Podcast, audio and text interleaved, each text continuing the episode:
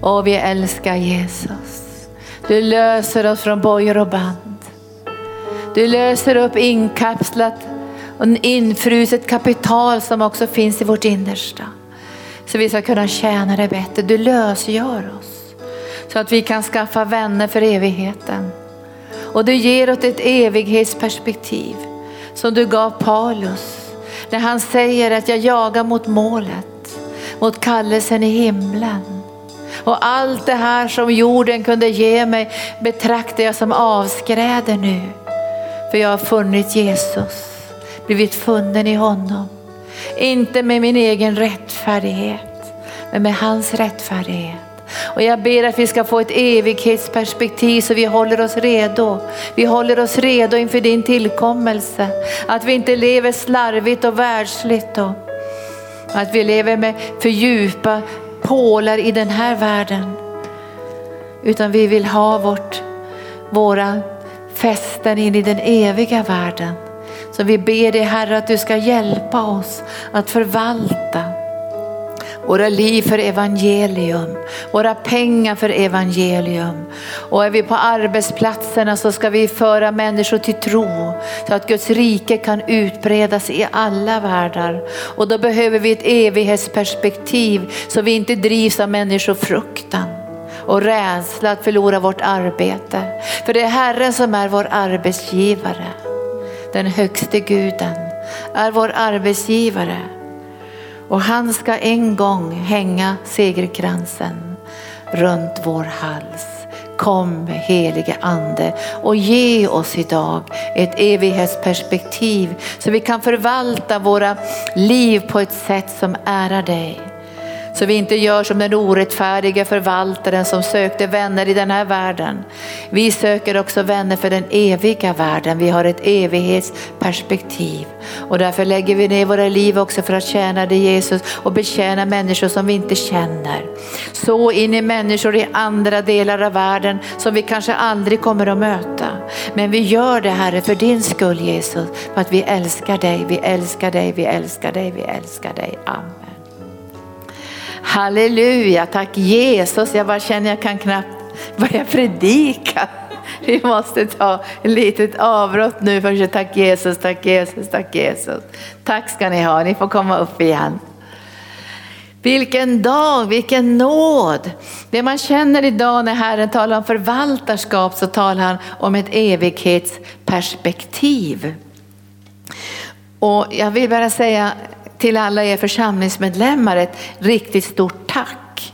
Vi pratade, pastor Gunnar och jag, vi satt och bad i morse och stillade oss och sa vi, vilken fantastisk församling vi har. Där så många medlemmar, i princip alla medlemmar, tjänar Gud på olika sätt, även om de har arbeten utanför. Så står de till Herrens förfogande. Vi hade syskon på Sjöhamra gård som arbetade i köket, som var där som förebedjare och betjänade. Så det, det, är fantastiskt att se en sån församling som gör sig delaktig i evangelium. Visst är det det?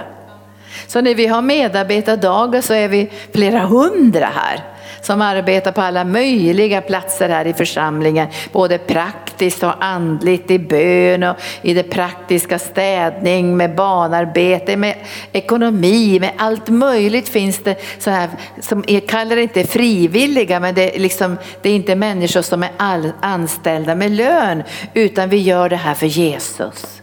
Visst är det vackert? Och en gång när vi hade lite sådär brist på folk i arken så kom jag ihåg Roger Larsson var här.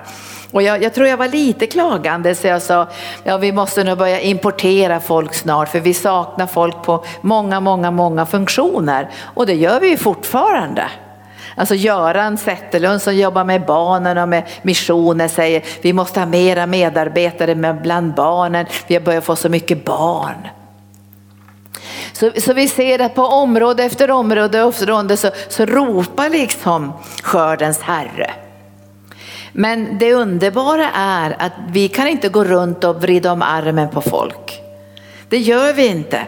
Nu måste du komma in och tjäna Guds rike, nu måste du ge den här tiden. Utan Bibeln säger du ska be skördens herre om arbetare till skörden. Visst är det skönt det? För att det är hans skörd. Och det står i Matteus 9 att skörden är stor men arbetarna är få. Det skrevs för över 2000 år sedan. Skörden är stor men arbetarna är få. Men ni ska be skördens herre att han ska sända ut arbetare till skörden. Det är därför det är så underbart att se vad Gud gör i människors liv. Så man kan bara avskilja dem till det som Gud har talat till dem om. Och det kan ju vara att under en period hjälpa till med reparationer, att arbeta i second hand-affären, hjälpa till i bokshoppen och så talar Herren och så får vi den stora nåden att avskilja, bekräfta och smörja. Tack Jesus. Och Raimo som sitter där, fantastisk gåva till arken som har gjort sin praktik att läsa in Gunnars böcker på CD. Visst är det bra? Det är många som inte orkar läsa böcker. De behöver få lyssna på böckerna. Och så har du börjat läsa in. Och så har du märkt också vad svårt det är att läsa in. När jag skulle göra inre bönen på CD-skiva så kände jag, jag tänkte jag kan ju läsa, men vad svårt det var att läsa när det skulle lyssnas av andra. Så, så, men det är så fantastiskt. Jag skulle önska att alla böcker kunde läsas in så att man, så att man kan lyssna på undervisningsböcker direkt. Så det här är något som Herren måste göra. Och då, då sa jag till Roger Larsson, men vi har inte folk, det räcker inte, vi, har så, måste, vi måste snart liksom börja kolla runt om vi kan få in några andra. Och så sa han så här, nej Linda sa han, det är inte sant. Allt det ni behöver i arken finns i de församlingsmedlemmar som ni har på den här platsen. Men det kan vara infryst kapital. Infryst kapital. Och ibland säger människor så här, jag har inga pengar, men det har du ju visst. Ja, men det är infryst i aktier. Det är infryst i obligationer. Jag får inte loss de här pengarna för de är liksom infrysta. Och ibland finns det infryst kapital i våra liv. Det som församlingen behöver, eller hur? Alltså man har fått en utbildning inom ett område och så tänker man det är för att jag ska tjäna pengar och få det bra här i jordelivet. Men jordelivet tar ju slut snart. Och då, och då tänker man, vi måste få loss det här infrysta kapitalet. Och hur får vi loss det? Det kan vi inte gå runt och säga, jag ser att du har den där gåvan Kalle och nu får du ge 10, 40, eller ska, nu får du ge tionde i tid till församlingen för det här behöver vi i församlingen. Då vet inte jag om jag får någon god respons, jag är inte säker på det.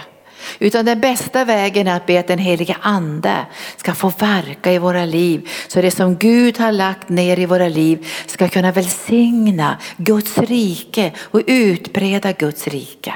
Predikar jag bra? Visst är det bra det här? Alltså det är skörens herre som gör det här. Och jag hade ju många gåvor på det kreativa området. Och jag, och jag, kände att jag var tvungen att lägga undan många av mina gåvor för evangelium. Det var inte fel mina gåvor, men jag märkte sen hur Gud använde mina gåvor på ett annat sätt. Kreativt att skriva böcker för Guds rike, arbeta med helande löv för Guds rike. Men det blev för Guds rike som mina gåvor liksom lades in i ett högre syfte. Och ändå kunde jag känna en otroligt stor välsignelse. Och då ska vi se på talenterna, jag har några bibelställen. Så vi ska, vi ska be för, vi har ju sådana fantastiska distansmedlemmar också som egentligen är så helt närvarande. Så när jag ber för distansmedlemmarna, jag tror vi har bortåt hundra distansmedlemmar, så ser ju jag framtiden. Jag ser starka bönegrupper som kommer att startas. Jag ser framtidens församlingar som kommer att finnas, Arkenförsamlingar i hela Norden. För vi har distansmedlemmar i Norge också och i Finland. Ser ni det här? Här finns det syskon som har massor med talanger, talenter som, som finns i, i deras hjärtan och så ska de lösgöras för Guds rika. Tack Jesus. Och då säger Herren i, i han säger i, i Matteus 25 så talar han om talenterna. Och talenterna är ju kan man säga Guds rikedom. Det tillhör Gud.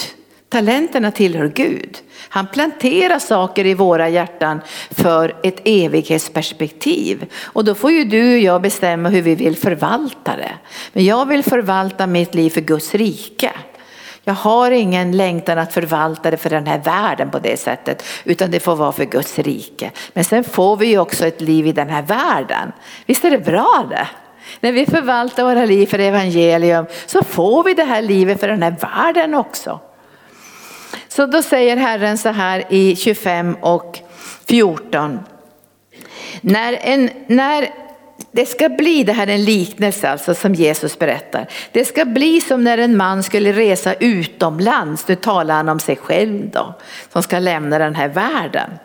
Så kallade han till sig sina tjänare och anförtrodde dem sin förmögenhet. Alltså Gud har lagt förmögenheter i ditt och mitt liv utifrån vår förmåga. Och det här tycker jag är så jätteviktigt att han ger inte lika mycket till var och en.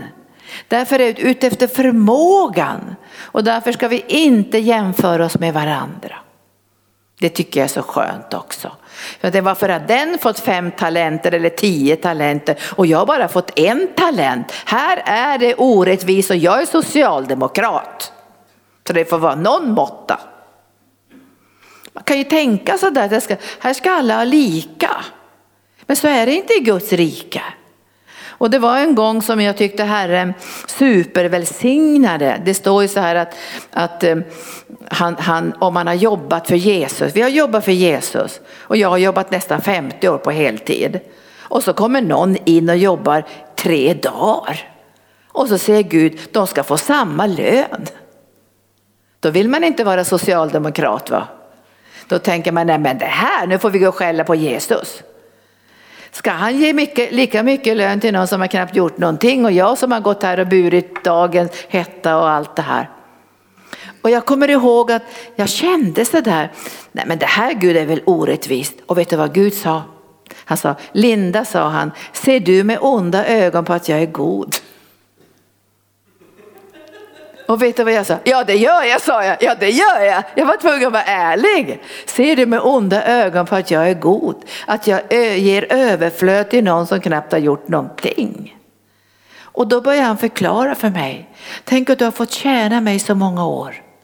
Och den här personen har varit i mörker, i narkotika, bestulen på allting, gått i ett sånt mörker och när den kommer in i Guds rike så vill jag dundervälsigna. Tycker du att det är fel Linda? Ja, jag bättrar väl mig då. Men jag ser med onda ögon på att du är för god, man får göra bättring. Ser du med onda ögon på att jag är så god? Gud kompenserar ju människor som kanske har fått slita under djävulens våld och så vill han bara ösa över dem. Och det här var ju problem med den hemmavarande sonen, eller hur? Han säger, jag har slitit och den där har varit och slösat bort alla pengar. Ska han få fest när han kommer hem? Han vägrar komma in. Därför han tyckte det här var orättvist. Men du, Gud kommer med nåd nåd. Och ändå tänker han så här, jag ger de här talenterna och gåvorna utifrån vad folk klarar av också. För annars blir det för stor press. Och nu står det så här. Han kallade till sig sina tjänare och anförtrodde dem sin förmögenhet. En gav han fem talenter, en annan två och en tredje en talent åt var och en efter hans förmåga var och en efter hans förmåga. Och så reste han bort. Och de andra, de här som fick två och fem, de förvaltade sina talanger och talenter för Guds rike. För de förstod att det här var inte bara för dem själva. Så när Gud har gett gåvor så får inte vi tänka, åh vad bra nu kan jag förvalta det här för mig själv. Utan när vi har fått gåvor från Gud så ska det förvaltas i Guds rike och det här behövs vara uppenbarelse för att vi ska kunna gå in i det här.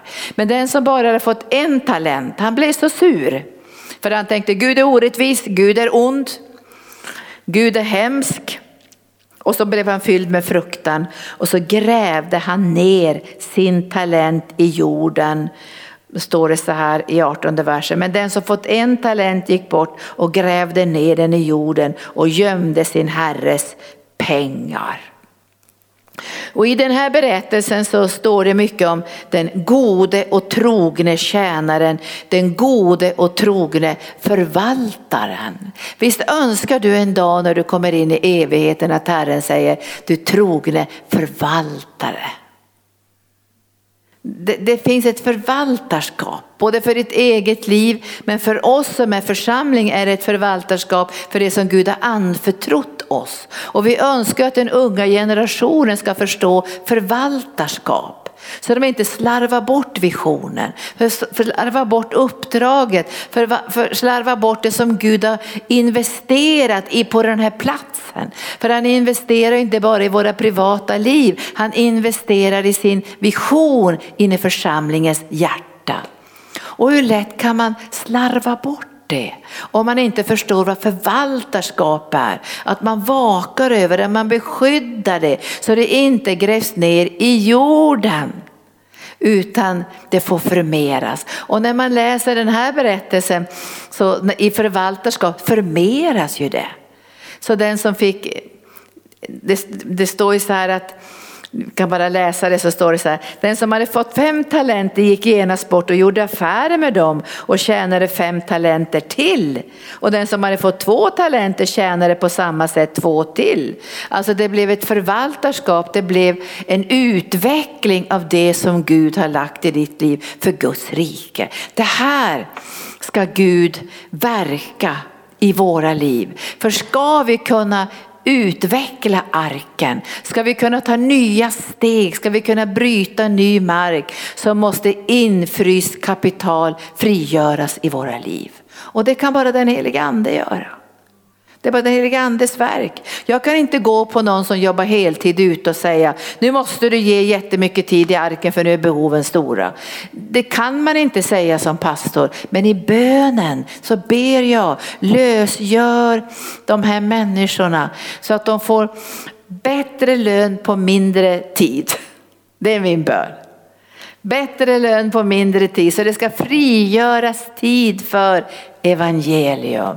Visst är det våran bön, frigöra tid för evangelium. Så att man inte jobbar så att man kommer hem helt slut så man inte knappt orkar komma på församlingsbönen därför att man är så slut eller på hemgruppen därför att man är så slut. Och det här är också att, att världen, arbetsgivare i världen, de vill ha det bästa från dig. Och därför måste du frigöra dig för evangelium. Visst, visst låter det vettigt det här? Frigör för evangelium. Därför de kommer ta den bästa tiden. Och därför att behoven är så stora och de säger på sjukhuset att du måste jobba kanske 12 timmar om dagen. Vem orkar ge tid för evangelium? Och då måste vi frigöra i bön. För vi vet att vi är här på jorden för evangelium. Vi är inte här på jorden för att bygga vårt eget i första hand och vi får vårt eget av Gud av nåd men vi är här för evangelium. Och därför måste vi lösgöra infryst kapital i varje medlem och i oss som pastorer också. Så att det som Gud har lagt ner i våra liv kan förvaltas så att den här platsen kan växa utvecklas. Och Gud har ju gett profetordet bryt ny mark. Och då måste vi ha människor som kan plöja, plocka bort stenar, plantera, vattna och det måste vara ett verk av den heliga ande. För blir det tvångsarbete, då blir det jobbigt. Vad säger ni på tvångsarbete? Det finns ju i vissa länder tvångsarbete, nu ska jag inte nämna något land. Men det var ju väckelsen i England som gjorde att det här tvångsarbetet med barn upphörde. Det var väckelse. Metodismen och Frälsningsarmén och de här stora väckelserörelserna. Nu ska vi titta på, vi ska titta på, vi ska titta på, tack Jesus. Eh, Lukas evangelium kapitel 12. Det är nästan liksom samma text men jag tar den ändå. Lukas evangelium kapitel 12. Och här står det inför människosonens återkomst 12 och 35. Visst, visst väntar vi på Jesu återkomst och ändå släpper vi inte allt vad vi har för händer. Vi fortsätter att förvalta, vi fortsätter att bygga, för vi gör det här för evigheten. För att vi vet att det som vi har gjort för Jesus, det kommer att finnas kvar. Så vi fortsätter, men vi har en slags inställning i våra hjärtan. Vi har ett evighetsperspektiv. Människosonen kommer. Människosonen kommer. Det är därför som det blir lite bråttom också. Inte stressigt, men det blir lite bråttom. Och då säger Herren så här i Lukas evangelium i versen 35. Spänn bältet om livet och håll lamporna brinnande. Spänn bältet om livet. Det här känner jag ju igen när Israels barn skulle lämna Egypten. Kommer ni ihåg vad, vad Gud säger till dem då? Spänn bältet om livet så att ni är beredda att springa iväg snabbt och lämna Egypten. Var redo. Och vi behöver vara redo. Vi, vi, det är inte säkert att vi ska lämna jobbet som, vad ska vi ta för jobb, fastighetsskötare eller städare eller jobba på Coop eller någonting. Det är inte säkert vi ska lämna vårt jobb på det sättet, men vi är liksom redo. Alltså vi är redo att släppa taget om vissa saker för Guds rika. Liksom, så att inte Guds välsignelse blir en ursäkt. För tänk om Guds välsignelse blir en ursäkt. Därför att vi har inte hållit våra lampor brinnande. Vi har inte varit redo. Nu, nu kanske Gud, du får behålla allting men du är ändå redo. För tänk när människosonen, när fadern kommer och säger, nu är festen redo. Kom nu. Nu är det tid att lösgöra dig. Då kommer alla de här ursäkterna som egentligen hör ihop med välsignelse. När jag läste de här ursäkterna så såg jag att det var inga ursäkter för att folk var sjuka till exempel. Ta emot min ursäkt för jag är faktiskt sjuk. Eller jag har problem med min familj. Det var inte sådana ursäkter utan det var sådana här välsignelseursäkter. Ta emot min ursäkt för jag har gift mig. Det är trist va? Jag kan inte komma därför att jag sitter hårdare fast i mitt äktenskap än att jag är lösgjord för ditt rike. Och därför måste man prata med varann innan man, innan man gifter sig. Eller hur? När jag skulle gifta mig med Gunnar hade jag ju haft en fristående tjänst i många, många år. Jag hade en egen ministry som hette Jesus helar och upprättar. Så jag reste jättemycket på kallelser. Och så gifte vi oss Gunnar och jag. Och då kommer jag ihåg det var en tjej som sa till mig så här, vad underbart Linda att du får gifta dig med Gunnar. Nu behöver du inte resa på kallelse längre, nu kan du vara hemma och stryka hans skjortor. Då förstod jag att de tänkte fel. De tänkte så här, Linda reser på kallelse för att hon måste det för att tjäna sitt levebröd. Det var inte därför jag reste på kallelser, utan jag reste på kallelse på grund av Guds uppdrag. Och jag fick en kamp inom mig. För jag hade ju mött ledare också från Sydafrika som sa, när man gifter sig så går man ur sin tjänst. Dumheter, eller hur? Men man hade de tankarna. Och när jag var i Sydafrika var det någon som hade också någon annan tanke. De, frågade, de såg att det var en tjänstegåva så sa de, fick du en kallelse innan du var gift eller fick du en kallelse när du var gift? Ja, så jag fick nog min kallelse innan jag var gift. Bra sa de, för hade du fått kallelse när du var gift då får du inte gensvara till den. Jaha, var kom det ifrån? Och då fick jag en slags kamp så att Gunnar och jag var ju förlovade, vi skulle gifta oss. Jag kom hem till Gunnar en kväll och såg lite sur ut så Gunnar sa, men vad är det med dig Linda? Sa, vi kan nog inte gifta oss. Det går nog inte. Varför det? sa han. Ja men jag har en kallelse. Och jag vill inte lämna den bara för att jag gifter mig. Jag, jag gillar inte att stryka skjortor heller. Utan då lämnar vi in på kemtvätten. Och då sa Gunnar, men vem tror du att jag är? Han blev riktigt ledsen och sa, förstår inte du Linda, om du gifter dig med mig, då har du någon som kommer att stödja dig resten av livet. Så det som Gud har lagt i ditt hjärta kommer att få utvecklas och komma in i det som Gud har för dig. Och samma sak sa jag till Gunnar, det var våra vigsellöften. Att jag kommer att stödja dig Gunnar så att det som Gud har lagt i ditt liv ska kunna utvecklas så du så en dag ska kunna springa in i den eviga världen med fullbordat lopp och glädje. Ja, du behöver inte använda mig som en ursäkt. Ta emot min ursäkt för jag är gift med Melinda, jag kan inte tjäna. Ta emot min ursäkt för jag skaffar mig ett företag. Jag har några oxar nu som jag måste ta hand om så tyvärr kan jag inte komma. Det är en välsignelse att få ett företag men när det inte tjänar Gud så är det ingen välsignelse längre. Eller hur?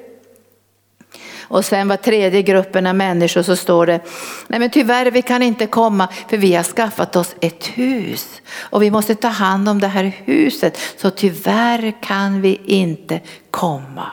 Det är därför du och jag måste ha våra lampor brinnande och vi måste ha, som det står här då, så står det att våra lampor ska vara brinnande och vi ska ha bältet om livet. Var, var som tjänarna som väntar sin herre hem från bröllopsfesten och som genast är redo att öppna för honom när han kommer och knackar. Saliga är de tjänare som Herren finner vakna när han kommer.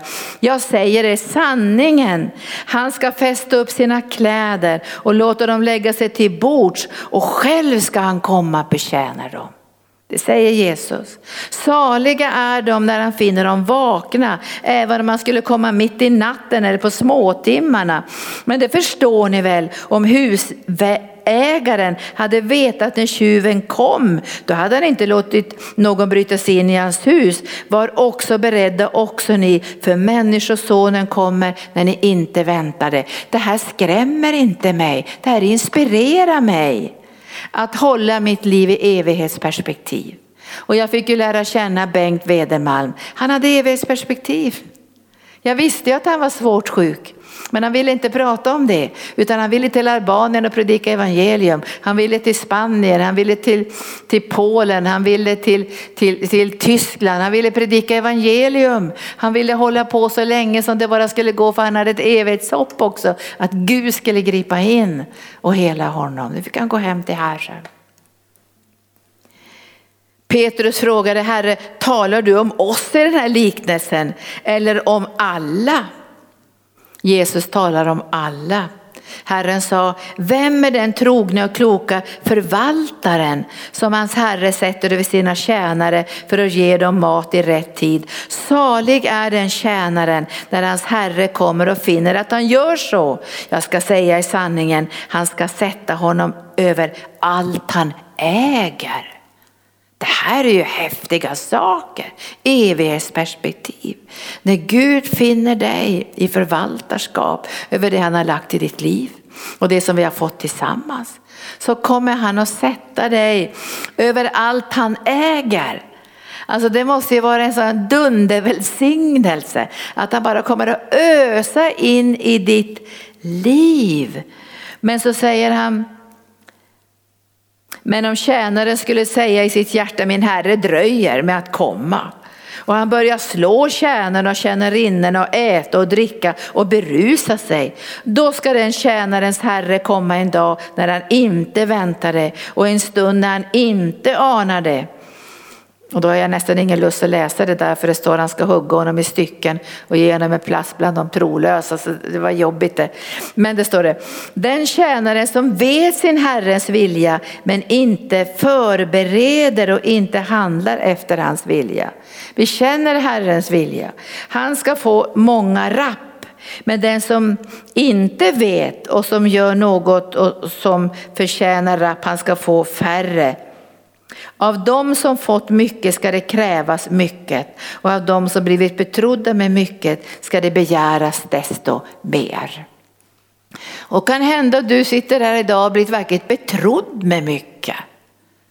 Så, så låt Gud få frigöra det som Gud har lagt i ditt innersta och ställ det till Herrens förfogande. Han kanske inte säger att han vill ha det.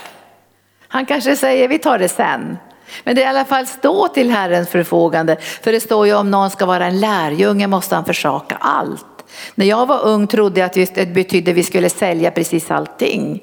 Men försaka betyder att ställa det till Guds förfogande och inte låta någonting hålla tillbaka och bli en ursäkt. Visst blir det en frihet då?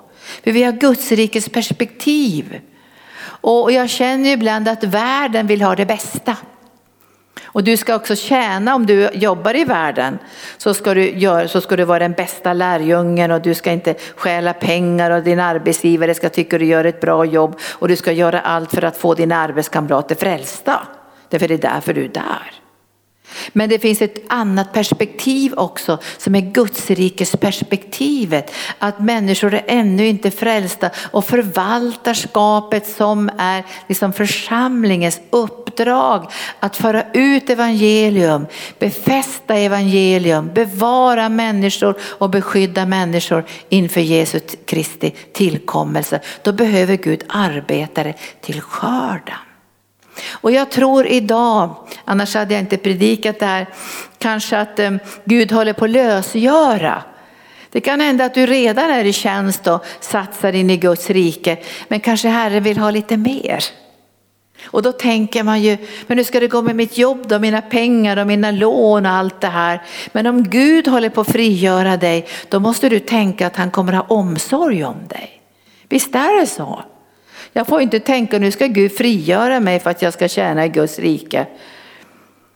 Men tänk då kanske jag får svälta och inte finns någon mat och jag kommer inte klara räkningarna. Det är inte en sån Gud jag tror på. För Gud kommer, om han lösgör dig, så kommer du ha det du behöver. Även om du får gå in på en trosvandring såklart och, och, ta olika steg tillsammans med Gud. Men det vi förvaltar, nu, nu ska vi gå ner för landning här, vi ska säga vad Paulus säger här om, om förvaltarskapet. I första Korinthierbrevet 4 och 1. Första Korinthierbrevet 4 och 1. Vad är det vi förvaltar för någonting? Vi förvaltar det materiella, vi förvaltar pengar och vi förvaltar ägodelar. Vi förvaltar det här huset, vi förvaltar Sjöhamra gård. Vi, vi förvaltar alla, alla projekt vi har byggt över världen. Visst förvaltar vi det. Men vi förvaltar också det allra viktigaste, evangelium. Och Paulus talar om sig själv och säger så här i 4 och 1 i första Korinthierbrevet. Alltså ska man se oss som Kristi tjänare och förvaltare av Guds hemligheter. Av en förvaltare krävs att han visar sig pålitlig. Och det jag kan tycka i Paulus liv, sen han blev frälst så var han pålitlig. Alltså det gick att lita på honom. Det fanns en stabilitet, en överlåtelse.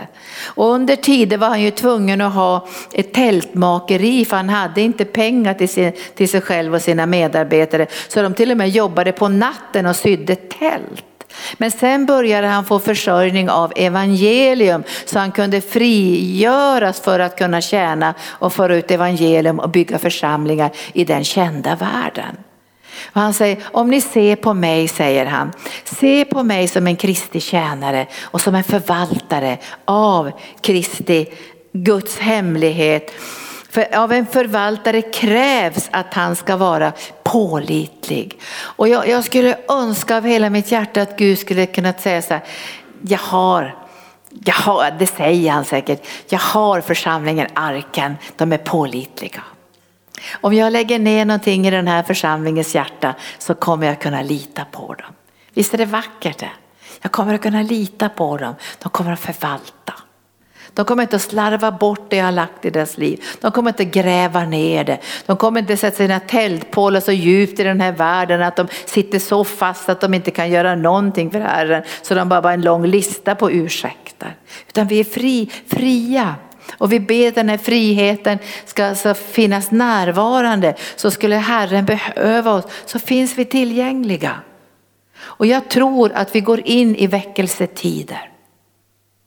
Igår kom det en person som jag inte ens hade tänkt på som sa till mig så här, jag känner att jag har en kallelse att döpa. Men vi har inte så många att döpa än, sa jag. Men det kommer många, sa hon. Precis, sa jag. Vi behöver utbilda döpare. För Paulus hade inte tid att döpa. Han döpte nästan ingen. Han var bara ute och predikade, predikade, predikade och så fick andra döpa. Han hade börjat några stycken hade han döpt. Så det behövs döpare. Vi ska döpa tusentals människor. Vi ska ta emot människor. Alltså vi står ju tro nu här i ledarskapet att få grupper som kan ta hand om de nyfrälsta. Alltså vi måste börja förbereda, ställa in oss på och då, då får vi inte vara så, nej men jag har ingen tid, jag, jag, jag är så upptagen med det jag gör, jag kan ge kanske fem minuter någonstans här och där. Och det går inte att ha väckelse då.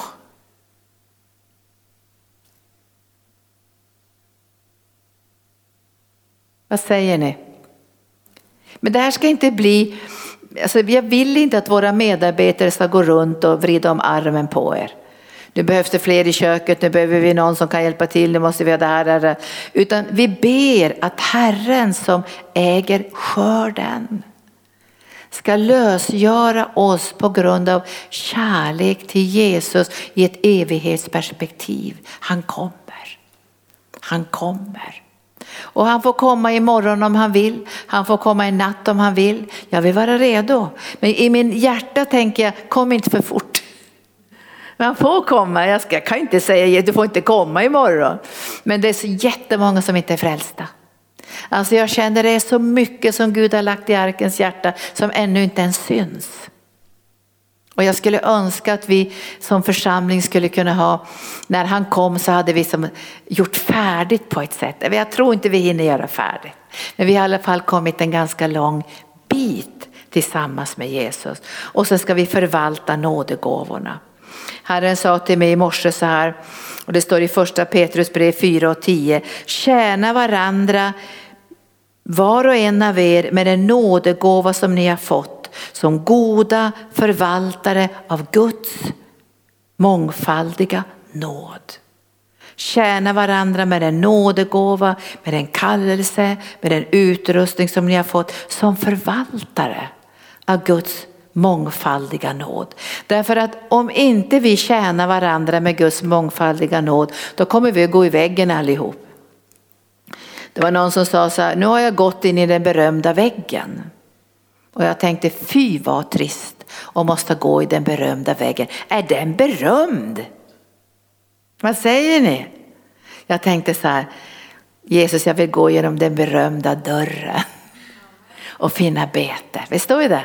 Ut och in och finna bete. Genom dörren, ut och, ut och finna bete. Gå in igen till Guds hjärta. Det här är återhämtning. Jag är ute på bete, kommer tillbaka och lägger mig mot Jesu röst, bröst. Jag tjänar honom i kärlek. Jag har ett evighetsperspektiv och ingenting håller mig fast. Det håller mig inte fast. Och som pastorer och som äldste här i församlingen eh, så vakar vi över helheten, att varje gren ska sitta ihop. Det ska inte vara lösa grenar. Alla grenar i arken ska sitta ihop med stammen. Allt ifrån ungdomsarbetet, alla hemgrupperna ska sitta ihop med stammen så att församlingen får en trygghet. Vi sitter ihop, vi får samma instruktioner, samma signaler som kommer ifrån Jesus. Och då hålls kroppen samman och vi får inte oro och splittring. För blir det oro och splittring då, kan vi in, då måste vi stoppa upp expansionen. Men vi önskar att inte behöva stoppa upp. Och vår bön är nu också förutom att frigöra innestående kapital som finns i människor och gräva upp punden. Det är att när pandemin är över nu ganska snart så ska alla församlingsmedlemmar springa hit. Åka buss hit, åka bil hit, åka cykel hit så alla är på plats. Vad säger ni? Vi ska inte ha en drop-in. Utan vi ska bara fylla hela lokalen och förhoppningsvis önskar jag att öppna läktarna både här och där. Proppfullt med folk. För vi har bestämt oss för vi ska tjäna Herren. Så kom nu heliga ande och så frigör du både oss som ledare, äldste, medarbetare, infryst kapital så vi kan ställa till förfogande för församlingens utveckling. Och jag ber dig heliga ande för alla som också känner att de sitter fast i sina arbeten och de kommer inte loss och de orkar inte tjäna i församlingen därför all kraft går till deras arbete. Så ber jag dig helige Ande att du ska frigöra dem så att de kan få mindre arbetstid ute i världen så de ska kunna ge tid för att kunna tjäna dig i och genom församlingen och förvalta denna mångfald av nåd som ska föras ut till mängder med människor. Vi ber det heliga ande att ingen välsignelse du har gett oss ska bli en ursäkt. Du vill att vi ska få hus och hem. Du vill att vi ska få saker och materiella saker. Du vill att vi ska ha vänner, till och med få ett äktenskap. Men det ska inte hindra oss att komma till bröllopsfesten. Det ska inte hindra oss att, att så vi säger nej till dig Jesus när du frigör oss och du vill använda oss på ditt sätt. Jag ber dig skördens Herre att du ska sända arbetare till skörden. Du ska kalla på människor i praktiska saker så det blir en balans mellan Marta och Maria. Så alla praktiska funktioner ska fungera, alla andliga funktioner ska fungera så vi får en vacker behållare för din härlighet så vi kan förbereda oss för veckan väckelse. Så kom heliga ande och jag lägger först och främst mitt eget liv på altarplatsen. Att kunna stå till ditt förfogande, att inte ha ursäkter. Och jag ber dig heliga ande, har jag grävt ner någonting så tänker jag gräva upp inte.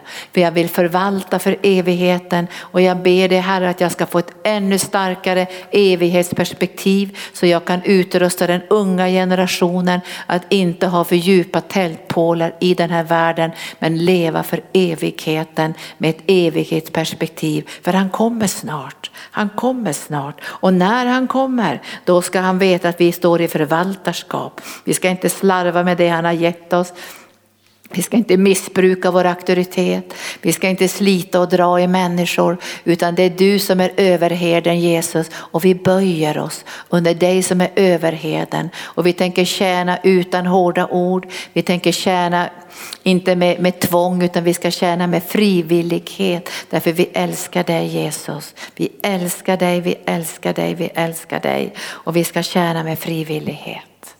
Och vi vill ha den här segerkransen en dag. Som Bengt har fått nu, den här segerkransen. Vi ber att varenda en av oss ska få segerkransen och vi ska få den gemensamma segerkransen. Vi ska liksom vinna guld. Vi ska liksom vinna guld och känna att vi har jobbat som ett lag. Så att vi har arbetat tillsammans som ett lag och vi ska känna den där segerkänslan och jublet som idrottsgrupper också känner som har lagsport lagsporter när de har vunnit guld guld eller medaljer så jublar de tillsammans. Så jag ska be det heliga ande en dag ska församlingen Arken med alla sina vänner utöver världen, med alla sina ungdomar och barn och medarbetare jubla tillsammans. Vi sprang vårt lopp, vi bevarade vår tro och nu en dag längre fram ska vi ta emot segerkransen. I Jesu namn, Amen. Låt Herren tala nu. Nu talar han till dig, han talar till mig, han talar till alla oss. Att, att eh, har vi infryst kapital? Och jag tyckte det där med Roger Larsson, det var så starkt för mig det där jag tänkte, tänk vad Gud har planterat i människor här. Vi har en revisor till exempel som inte är anställd här, som under alla år här i arken har hjälpt oss av kärlek till den här visionen. Alltså vi är så tacksamma. Tack Jesus. Nu är vi inte så många här i lokalen men vi, vi, kommer, vi kommer att säga, vi har allt vad vi behöver. Visst är det härligt det? Vi har allt vad vi behöver. Och då kan vi göra som vi har lätta sa, vi tror på det omöjliga. Allting är möjligt för Gud om vi hittar lösningarna och inte pratar för mycket bekymmer utan vi gör våra önskningar kända med Gud med åkallan, bön och tacksägelse. Och så kommer inte Gud att pressa någon så att vi säger det här kan jag inte Gud, för jag har inte kraft. Så har du bara fått ett pund, prisa Gud. Och säg tack Herre för det här pundet, jag ska förvalta det så väl. Så kanske du går i mål med hundra pund och de som började med fem pund kanske går i mål med tio pund, vad vet jag. För Guds nåd är Guds nåd. Så nu låter vi Herren få verka i våra liv en stund. Och så lösgör vi om det har frusit till eller fastnat någonstans. Eller vi sitter fast på olika sätt. Det är bara Gud som kan göra det här. Så vi sjunger nu och så går vi in i den här smörjelsen. Tack Jesus.